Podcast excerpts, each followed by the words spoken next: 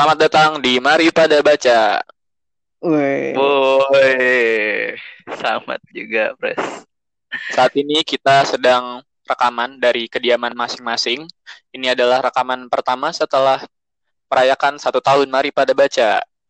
Waduh, Woi. udah satu tahun aja nih. Di sini yang akan menjadi pemandu adalah gua Ilham. Lalu ada pencerita kita, silakan perkenalkan diri Siapa, Siapa dulu duluan nih? nih, Pres? dari Kiting. Oh ya. Pertama saya bakal uh, bercerita ya. Jadi saya nama nama saya Ilham Maulana Amin. Biasa dipanggil Kiting. Ya, ada dua Ilham di sini biar nggak bingung, satunya Kiting aja ya. Iya, betul. Oke, Gimana kabarnya Kiting? Udah hatam berapa kali? Alhamdulillah, Pres baik. Hatamnya uh, belum, Pres. Doain ya, Pres. Amin, amin. Kita semua harus berdoa. Baik, baik. Lanjut, Tampleng. Halo, Cuk. Waduh. Halo juga. Ya, Kayaknya pada banyak yang kangen ya sama gue nih. Oh iya, baru lagi kampleng ya setelah lama hilang dari peredaran. Pada episode terbaru ini kita membahas biografi Nabi Muhammad Shallallahu Alaihi Wasallam. Allahumma sholli wa sallim wa barik alaihi. Jadi mari pada baca berencana untuk membuat konten yang bernama series tokoh yang berisi pembahasan da- atau obrolan tentang tokoh-tokoh sepanjang sejarah dunia. Dan untuk memulai konten series tokoh, kita memulai dari yang paling pertama adalah dari manusia terbaik, termulia, manusia tanpa celah sepanjang sejarah yaitu Nabi Muhammad SAW. Sudah, sudah barik kali. Yang menjadi rujukan atau referensi dari obrolan kita kali ini adalah buku berjudul Judulnya buku uh, Asyami Asyama'il Al-Muhammadiyah karangan Imam Tirmizi. Oke, kita mulai dari awal yang umum dulu orang sama-sama tahu Nah, ya. kalau- Kita kan Pres, dari kecil. bentar nih, gue ngambil Gimana? referensi Kenapa? beda nih. Oh, agak beda ya Kampleng. Ya, Apa ini agak agak menarik sih bukunya. Judulnya, judul aslinya tuh Ar-Rahik Al-Maktum, kal- karya Syekh Safiur Rahman Al-Mubarak Furi. Nah, ini eh, dia ini nulis buku di era kontemporer gitu. Jadi tuh waktu itu diselenggarakan eh, penelitian untuk menulis ulang Sirah Nabawi. Nah, eh, Syekh Safiur Rahman ini dia meneliti dari berbagai kitab kitab terdahulu kayak misalnya termasuk juga eh, kitabnya Asyamail Al-Muhammadiyah, kitabnya Zadul yang Iya. ya kumpulan referensi lah. Akhirnya dikumpulin dibikin Mm. satu kesatuan cerita yang utuh. Hmm, Cukup menarik. Oke, sekali. kita mulai dari yang paling biasa, informasi yang paling sering kita dapatkan lah dari kita kecil dan mungkin ini didapatkan sama seluruh umat Islam. Kita mulai dari Iya. lain eh, Nabi Muhammad. Timeline kehidupan Nabi Muhammad. Siapa nih yang mau cerita duluan? Gue mulai duluan boleh nih, Pleng? Ting, boleh, Ting. silakan.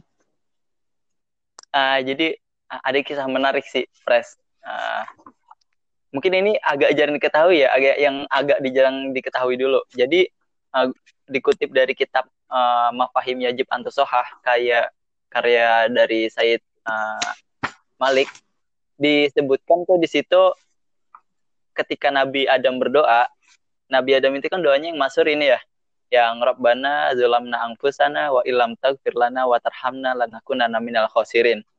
Nah, ternyata setelah beliau doa itu, beliau juga doa tuh. Rabbana uh, atawassalu ilaika bijahi sayyidina Muhammad sallallahu alaihi wasallam. Allah bertanya dong. Hmm. Allah bertanya bukan karena nggak tahu, bukan karena Allah itu uh, tidak mengerti, tapi karena Allah pengen ngasih tahu kepada orang-orang yang nggak tahu dan yang nggak mau tahu. Jadi Allah tanya ke Nabi Adam, kamu tahu dari mana kok uh, makin nama Muhammad gitu. Padahal kan Nabi Muhammad itu uh, belum ada, belum lahir.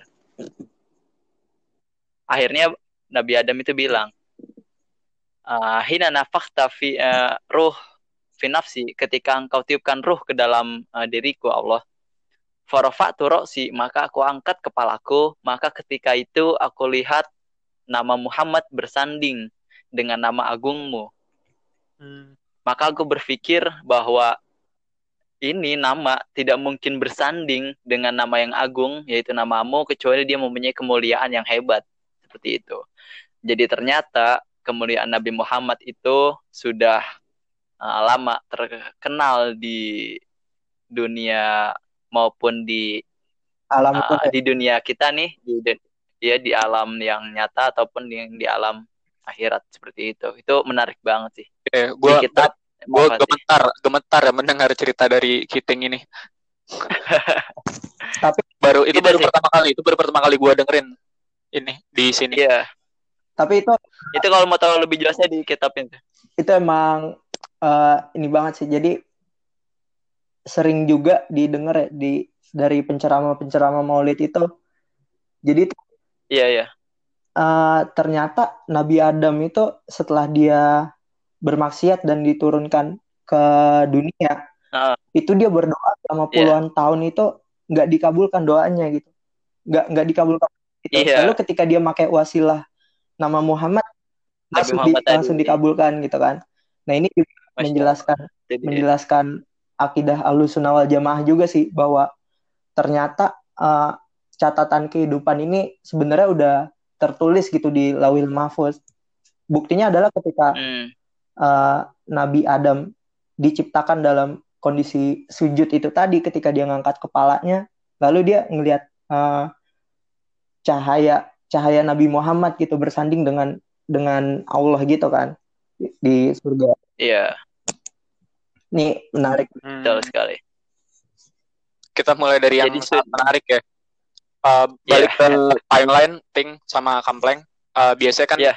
kita uh, diceritakannya tuh dari lahir terus sampai uh, dari lahir terus Nabi Muhammad yatim piatu terus ditinggal sama kakeknya terus nanti uh, dia jadi pedagang dan menikah sama Khadijah di umur 25 kalau nggak salah ya terus uh, umur 40 baru mendapatkan uh, era era kenabian sampai nanti perang lalu uh, wafat di usia 63 dari timeline itu ada yang mau kalian highlight ya Hmm, gimana Pleng? Kalau dari gue sih Pres Pleng, mungkin lebih ke sosoknya beliau ya, karena bahasan di buku Syama'il Muhammadiyah itu lebih ke benar-benar pribadi sosoknya Rasul yang dibahas.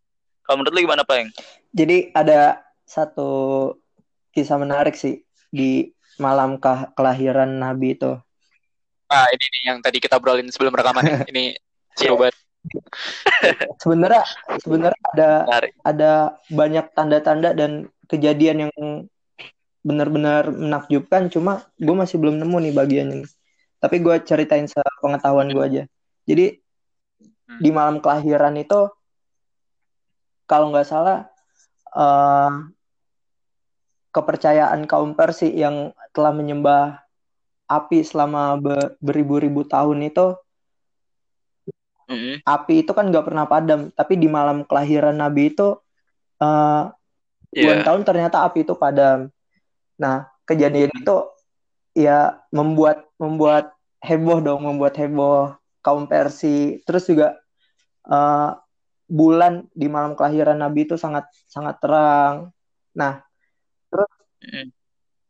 ada uh, satu rahib rahib Bahira ya satu pendeta di Bahira itu mengamati bahwa uh, pada saat itu tuh tanda-tanda kemunculan nabi terakhir tuh sangat jelas gitu sampai akhirnya di malam itu mereka tuh mengatakan karena di benar-benar di dalam kitab kitab mereka itu tertulis jelas gitu tanda-tanda uh, kemunculan nabi terakhir sampai di malamnya itu bagaimana kondisi fisiknya itu bagaimana. Akhirnya dari sejak saat itu sampai bertahun-tahun kemudian uh, para pendeta di gereja Bahira ini uh, mengobservasi lingkungan sekitar gitu. Secara bergantian secara bergantian. Terus bertahun-tahun lamanya gitu. Sampai akhirnya uh, 12 tahun setelah mereka uh, mengamati lingkungan sekitar mereka gitu tiba-tiba uh, mereka melihat ada awan yang tidak seperti biasanya gitu. Dia berkerumun lalu mengikuti satu kabilah atau satu rombongan yang sedang berdagang menuju ke Syam atau Hmm. datang ke Suriah ya. Nah, Syam itu adalah Iya. pada waktu itu uh, pusat perdagangan uh, kerajaan Romawi lah. Di sana tuh banyak dari seluruh penjuru dunia tuh berdagang ke negeri Syam. Itu sangat terkenal kok misalnya. Nah, Iya. di umur 12 tahun ini Rasulullah waktu itu diajak sama Abu Talib. Sama pamannya ya. Iya, sama pamannya. Iya. Nah, tadinya si Abu Talib ini nggak nggak mau ngajak Rasulullah gitu diceritain di sini. Tapi Hmm. ini nggak nggak tahu kenapa Rasulullahnya tuh maksa gitu kan. Nah, karena karena tuh waktu itu adab di sana tuh nggak boleh anak kecil dibawa ikut berdagang ke negeri Syam gitu kan. Tapi Hmm. Rasulullah tetap maksa sampai sampai di riwayat tuh diceritain kalau Rasulullah tuh gelendotan gitu kan di di Hmm. Abu Thalib akhirnya eh, mungkin karena ada karena bakalan ada satu kejadian yang tadi ya yang udah tertulis di Lauhil Mahfuz. Ah- akhirnya Rasulullah ini diajak. Diajak untuk berdagang sampai akhirnya eh, di tengah perjalanan eh, mereka tuh sempat berteduh di bawah satu pohon. Nah ini pohonnya ini juga eh, berbeda gitu. Bahkan sampai sekarang katanya masih ada. Masih ada pohon Iya. Rasulullah berteduh itu. Nah daun-daun ranting-rantingnya itu tunduk gitu tunduk untuk eh, apa ya memberi kesejukan kepada kabilah itu nah lalu eh, semua orang di gereja Bahira itu dia mengabarkan ke ke yang lainnya gitu kan kalau seandainya tanda-tandanya ini udah sangat jelas akhirnya kabilah itu di- diundang Hmm. masuk ke dalam gereja itu Iya, iya. Eh karena karena di sana tuh gereja sana tuh terkenal kemuliaannya. Waktu itu Abu Thalib nggak nggak ngajak Rasulullah masuk ke dalam. Nggak ngajak Rasulullah masuk ke dalam. Nah akhirnya mereka makan semuanya tanpa Rasulullah tuh. Tapi kemudian sang sang Hmm. rahib ini yang yang benar-benar tahu seluk beluknya ini mengamati kok nggak ada gitu di sini kan. Eh, Hmm. Terus, nah eh, singkat cerita nih si rahibnya ini dia belum pernah ketemu sama Rasulullah sama sekali. Dia cuma baca dari tanda-tandanya aja. Terus dia nanya ke rombongan itu, apakah kalian membawa anak berusia 12 tahun yang punya ciri-ciri bla bla bla bla bla. Dia bilang, "Eh, iya tadi eh, kita membawa anak itu, cuma nggak nggak masuk ke dalam ke dalam sini gitu kan." Terus di mana dia dia tuh Iya. di di luar lagi. Kalau nggak salah di dekat inian lah peternakan di dekat gereja itulah. Akhirnya diundang lah. Terus dia melihat satu tanda lahir Nabi di bahunya ya, Tin. Oh iya iya, ini Iya, yang di- dia di, di punggung apa bahu ya kalau nggak salah. ya? Ini dia, ya di antara kedua pundak Rasulullah. Kalau di buku Syama'il Nah, Muhammadiyah. iya, ada ada tanda kemerahan di situ. Terus Iya. eh, setelah itu para pendeta itu eh, menyarankan agar untuk pulang lagi ke Mekah gitu supaya nggak Karena takut akan diserang sama kalau nggak salah Yahudi ya. zaman zaman di sana tuh begalnya tuh lebih parah gitu kan Kalau nggak salah si Iya. pendeta tuh dia berpesan ke eh, yang waktu itu sama Nabi Iya, Muhammad betul buat betul dilindungi kan karena kalau misalnya nabinya bukan berasal dari bangsa mereka akan dibunuh kan. Ini bunuh. Iya, mereka Iya. nggak terima. Bangsa apa sih kalau salah? Yahudi ya. betul Yahudi jadi tuh Iya, Bani Israel. pada pada saat itu emang eh, Yahudi tuh juga lagi melakukan perburuan gitu ke cuma eh, orang-orang Yahudi yang terdekat dengan Nabi yaitu ada di Yatsrib atau di Madinah ya ini nggak sadar dengan keberadaan Nabi jadi tuh di di di Hmm. Madinah itu ada lima suku ada lima suku besar ada Aus ada Khazraj ada eh, tiga suku ini gue lupa namanya pokoknya tiga suku ini Yahudi dua sukunya ini suku Arab Baduy gitu kan Nah, du dua Iya. suku inilah yang kelak menjadi kaum Ansor nanti di Madinah itu. Hmm. Oke, Iya, ini- menarik itu. bagus lah buat pengantar ya, yang informasi-informasi yang se- secara dalam belum kita ketahui. Dan gue juga waktu itu ini ya, apa pas baca biografinya tuh agak takut sama yang di uh, sejarah awal. Ketika Nabi Muhammad kecil kan dititipin tuh sama uh, bibinya kalau nggak yang dia main keluar rumah terus teman-temannya ngelihat kalau Nabi Muhammad udah di udah meninggal. Lagi, dan dibelah kan jantung eh, di dibelah dadanya. Ya, dan ternyata yang ngebelah itu malaikat Jibril kalau nggak salah ya. Iya itu. Kalau nggak salah nomor ya buat dibersihkan seluruh ke keburukan untuk dipersiapkan menjadi seorang nabi. ya.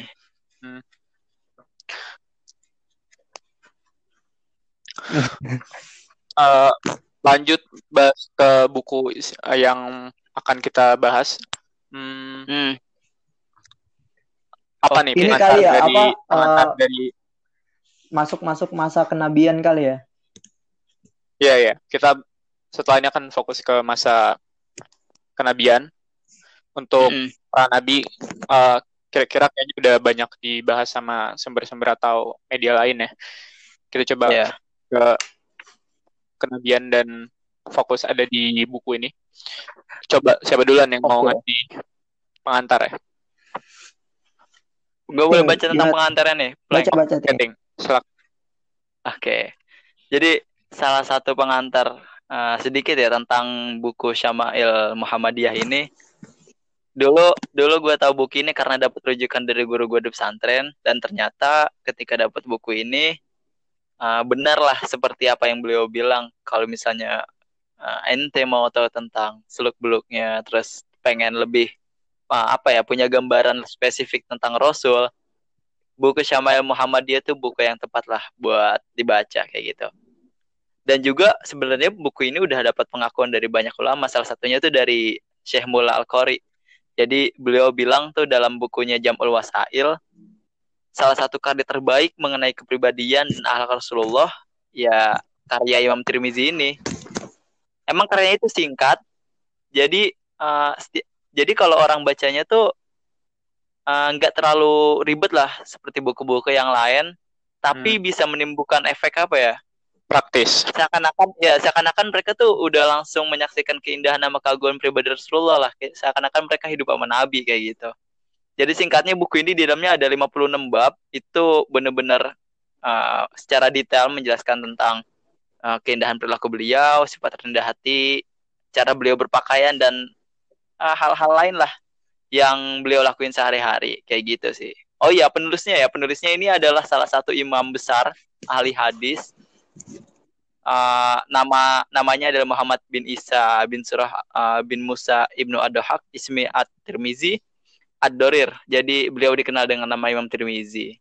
Salah satu imam hadis terkenal di dunia uh, di dunia padahal ya. Berasal dari Termes. Tadi kata Kak Blank di sebelum rekaman buku ini tuh buku tuntunan buat ketemu Nabi Muhammad di mimpi ya. Iya. menarik ya bang ya karena iya bener sih mungkin uh, karena karena kita ngelihat eh karena kita ngebaca dari buku ini ya terus kita jadi punya motivasi buat ih sebenarnya bentuknya tuh bener-bener kayak gimana sih jadi lebih penasaran lagi pengen-pengen lagi akhirnya mungkin kita punya keinginan lebih buat uh, bermimpi nanti ketemu sama Rasulullah kayak gitu ya Kalau gue ada ada ada cerita inian juga sih Tik. Cerita menarik juga. Kenapa gua Hmm. kenapa gua akhirnya baca buku yang lu baca itu. Jadi tuh Hmm, kenapa tuh uh, gue tuh bener-bener uh, ketika gue baca buku tentang sirah nabawi tentang perjalanan nabi gitu kan. Nah gue ya. uh, pernah nggak sih lu punya perasaan tuh bener-bener cinta banget gitu sama orang ini sama biografi yang lu baca ini? Tapi lu nggak tahu harus gimana Iya. tapi lu nggak tahu harus gimana gitu. Nah gue tuh gue tuh bingung kan. Gue pengen mimpi ketemu dia tapi gue nggak tahu wajahnya gimana. Gue nggak tahu eh, apa ciri-ciri fisiknya gimana terus ya ya emang ya gimana lu bisa mengekspresikan penuh cinta kotor ya lu hidup lu ya. Ini susah. Eh, jadi tuh emang sangat sulit gitu. Gimana lu bisa mengekspresikan mengekspresikan cinta lu gitu kalau seandainya lu nggak kenal objek yang lu cinta itu apa gitu kan. Nah, makanya gue mulai mulai mulai mempelajari tentang uh, orang ini gitu kan. Mulai dari ciri Hmm. fisiknya sampai kesehariannya. Bagus. Nah, itu bagus ya bukunya ya. Maksudnya ringkas tapi mungkin ada sedikit kalau kalau dari gue nih Pleng ya. Kalau pendapat gue mungkin tentang buku ini mungkin buat orang yang eh bener-bener awam ya, maksudnya bener-bener awam banget tentang hadis Rasul dan lain-lain, kayaknya buku ini tuh kayak perlu penuntun lagi gitu. Jadi butuh syarahnya lagi, butuh penjelasan dari buku ini lagi. Kan emang udah ada ya syarah tentang Syama'il eh, Syama'il Muhammadiyah Ada ini buat orang-orang yang Ada bener-bener banyak. Iya, iya karena karena istilah-istilah di buku ini mungkin ada beberapa yang agak sulit dimengerti. Jadi beberapa ulama tuh udah bikin syarah tentang buku Syama'il Muhammadiyah. Tapi mungkin buat orang-orang yang kayak ya kayak Pres Ilham, kayak Kampleng ya buku baca buku Syama'il Muhammadiyah ini udah cukup lah. Ah, Apa? biasa lu gombal. Gue mau Gue balik pondok juga kagak. gue mau balik lagi ke ini nih masa Nabil. Lu udah selesai ting pengantarnya ting. Oke, oke, Pleng. Tambahan, tambahan. Iya. Silakan. Nah, gue mau masuk ke inian ya, apa masa kenabian itu kan. Hmm. Jadi itu eh, sepemahaman gue sebelum gue baca eh, Sirah Nabawi ini tanda eh, apa tanda kenabian Rasulullah itu adalah turunnya Al-Qur'an. Itu pada malam nuzulul Quran kan. Nah, cuma setelah gue baca buku ini ternyata tanda pertama kenabian itu bukan turunnya wahyu. Jadi eh, tanda pertama kenabian itu adalah arruyatus sodikoh alias eh, mimpi yang benar, mimpi yang nyata. Hmm. Jadi Rasulullah tuh pernah bersabda eh arruyatus sodikoh itu eh, mimpi yang jelas, mimpi yang nyata itu adalah 1 per 46 bagian kenabian. Nah, ini eh, ada ditafsirkan oleh ulama bahwa ketika Rasulullah ulang tahun tepat eh, di umur 40 tahun tepat di umur 40 tahun nah sejak saat itu sampai diturunkan wahyu itu Rasulullah itu mendapat uh, aru aru yaitu sedekah itu mimpi yang jelas mimpi yang kayak misalnya kan sering ya Rasulullah tuh uh, bersabda tentang sesuatu tapi kejadian kayak gitu kan Ya. Nah itu tuh sebagian didapat dari Aruyatu Sadiko itu. Jadi tuh Rasulullah udah dikasih tahu kejadian-kejadian nanti di dalam mimpinya itu. Selama dari Rasulullah ulang tahun di bulan Rabiul Awal sampai uh, di bulan Ramadan berarti Rabiul Awal, Rabiul Akhir, Jumada Ula, Jumada Sani, Rajab, Syaban, Ramadan. Nah itu dari uh, mulai pertama Aruyatu Sadiko sampai turunnya wahyu itu ada sekitar enam bulan enam bulan Rasulullah uh, mimpi tentang satu mimpi yang benar-benar kejadian gitu Hmm. Nah. Hmm. itulah tanda kenabian pertama nah tafsirnya adalah uh, masa kenabian Nabi kan 23 tahun tuh maka satu per 46 nya itu adalah enam bulan pertama itu gitu jadi 6, satu per 46 nya adalah mimpi tentang itu. Nah, masuk ke turunnya wahyu. Banyak yang memperingati malam nuzulul Quran ini pada tanggal 17 bulan Ramadan ya. Malam nuzulul Quran ya. Tapi di buku ini tuh di Iya. buku ini tuh dibantah gitu. Ternyata eh, kur, eh, turunnya Quran pertama tuh bukan di malam 17 Ramadan. Terus Ustadz Bakhtiar Nasir juga pernah nyampein tuh di RCTI kalau nggak salah atau di mana yang lupa. Bahwa beliau berpendapat tuh Gimana? tanggal 24 Ramadan nuzulul Quran itu.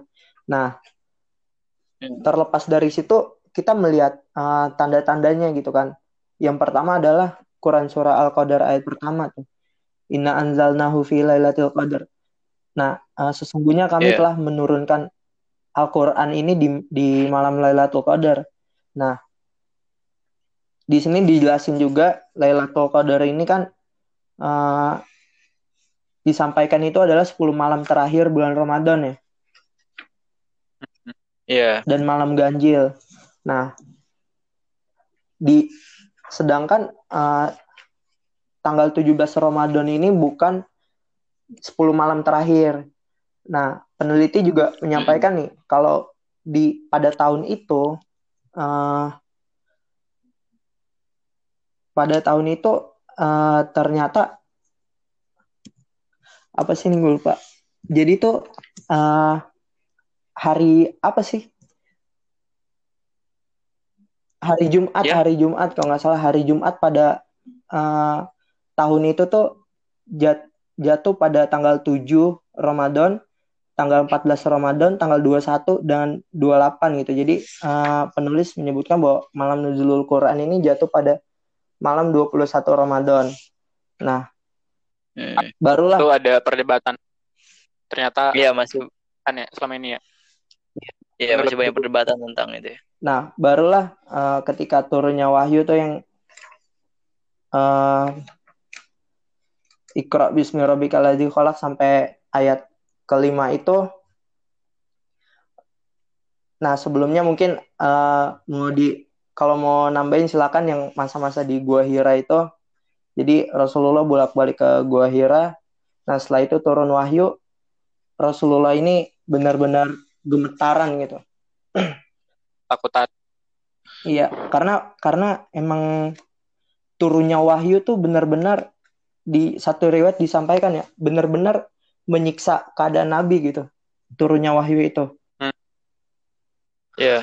Jadi tuh kadang Rasulullah berada dalam ketakutan, benar-benar ketakutan, di situ turun wahyu atau berada dalam uh, disampaikan juga wahyu itu turun seperti kayak lonceng gitu loh ada bunyi lonceng baru uh, nah itu Rasulullah doang yang tahu nah para sahabat ini juga udah pada tahu kalau seandainya Nabi uh, turun wahyu kepada Nabi itu kondisi Nabi itu benar-benar beda gitu entah pucat hmm. keringatan atau bagaimana nah jadi tuh pas waktu turunnya wahyu pertama tuh Rasulullah benar-benar kaget, benar-benar dia bilang katanya dia dipeluk erat sama sama Jibril sampai gak bisa nafas gitu kan.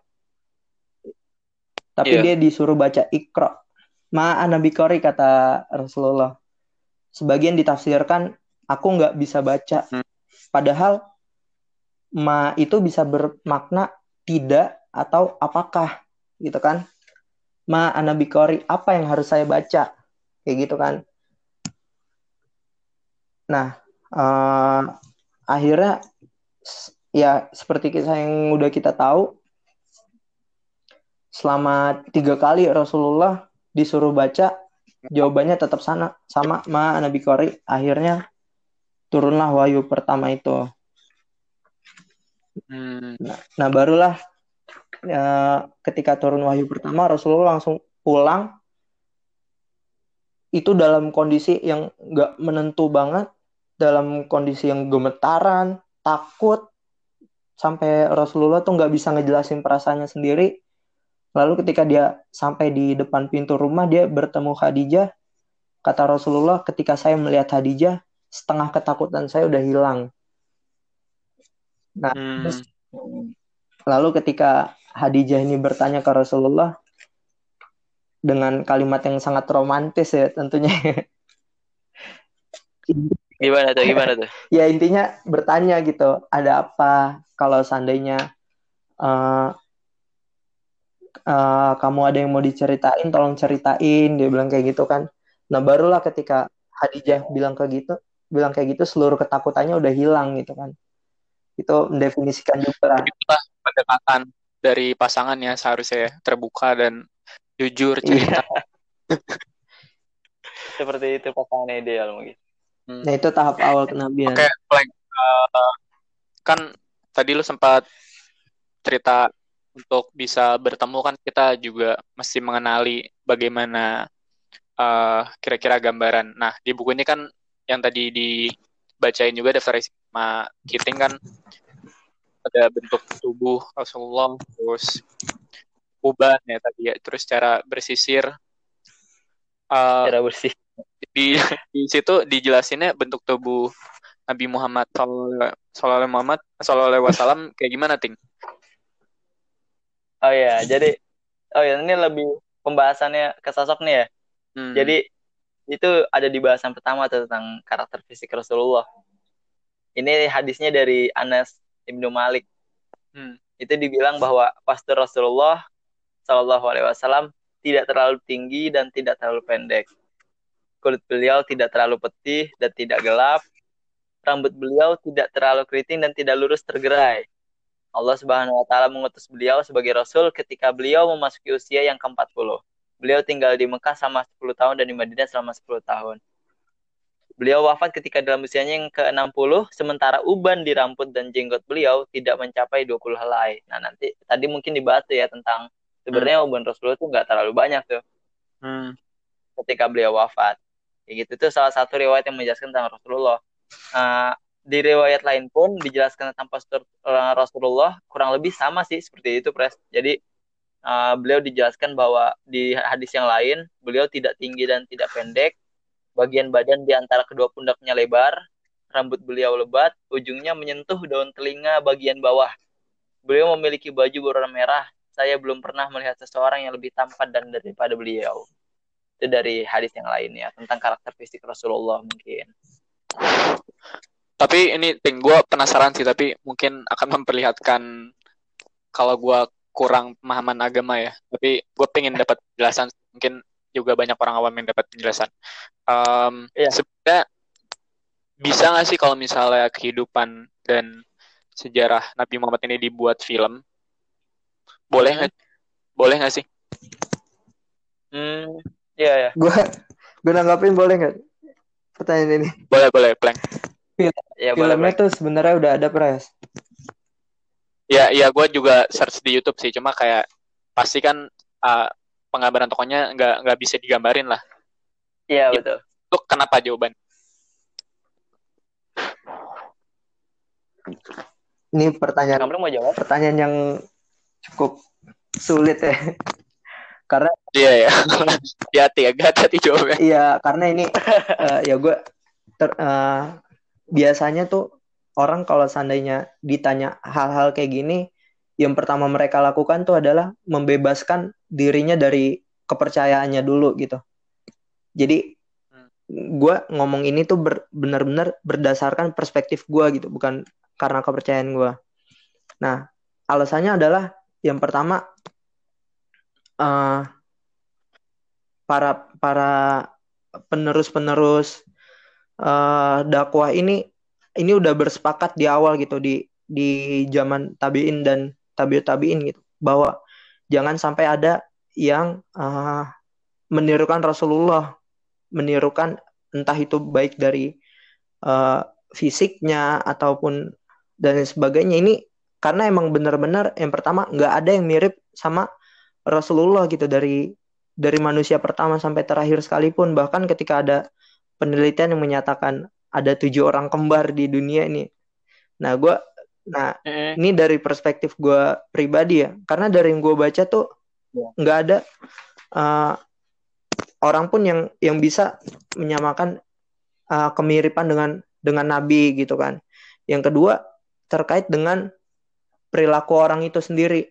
Nah, pernah nggak sih kalian yeah. nonton film nih, nonton film, lalu di, disuguhkan tokoh protagonis Hmm. Lalu uh, kalian yeah. tuh mencari tahu tentang tokoh itu, tentang tokoh atau da dan lain sebagainya. Terus kalian terbawa hanyut ke dalam tokoh itu.